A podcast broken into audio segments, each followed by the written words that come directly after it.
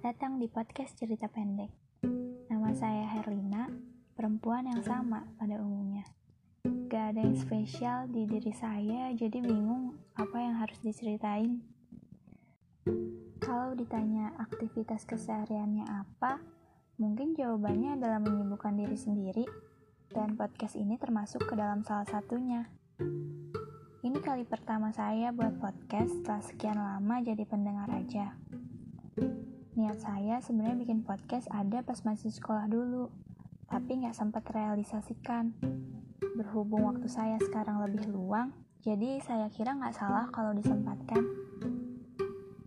Cerita pendek ini ada, sebenarnya karena pengen tahu aja sih rasanya menyuarakan tulisan sendiri. Siapa tahu podcast ini bisa jadi teman pengantar tidur atau jadi teman waktu lagi di perjalanan. Yang penting kalian bisa merasa punya teman. Karena katanya kondisi sekarang bikin hidup lebih berasa sendirian.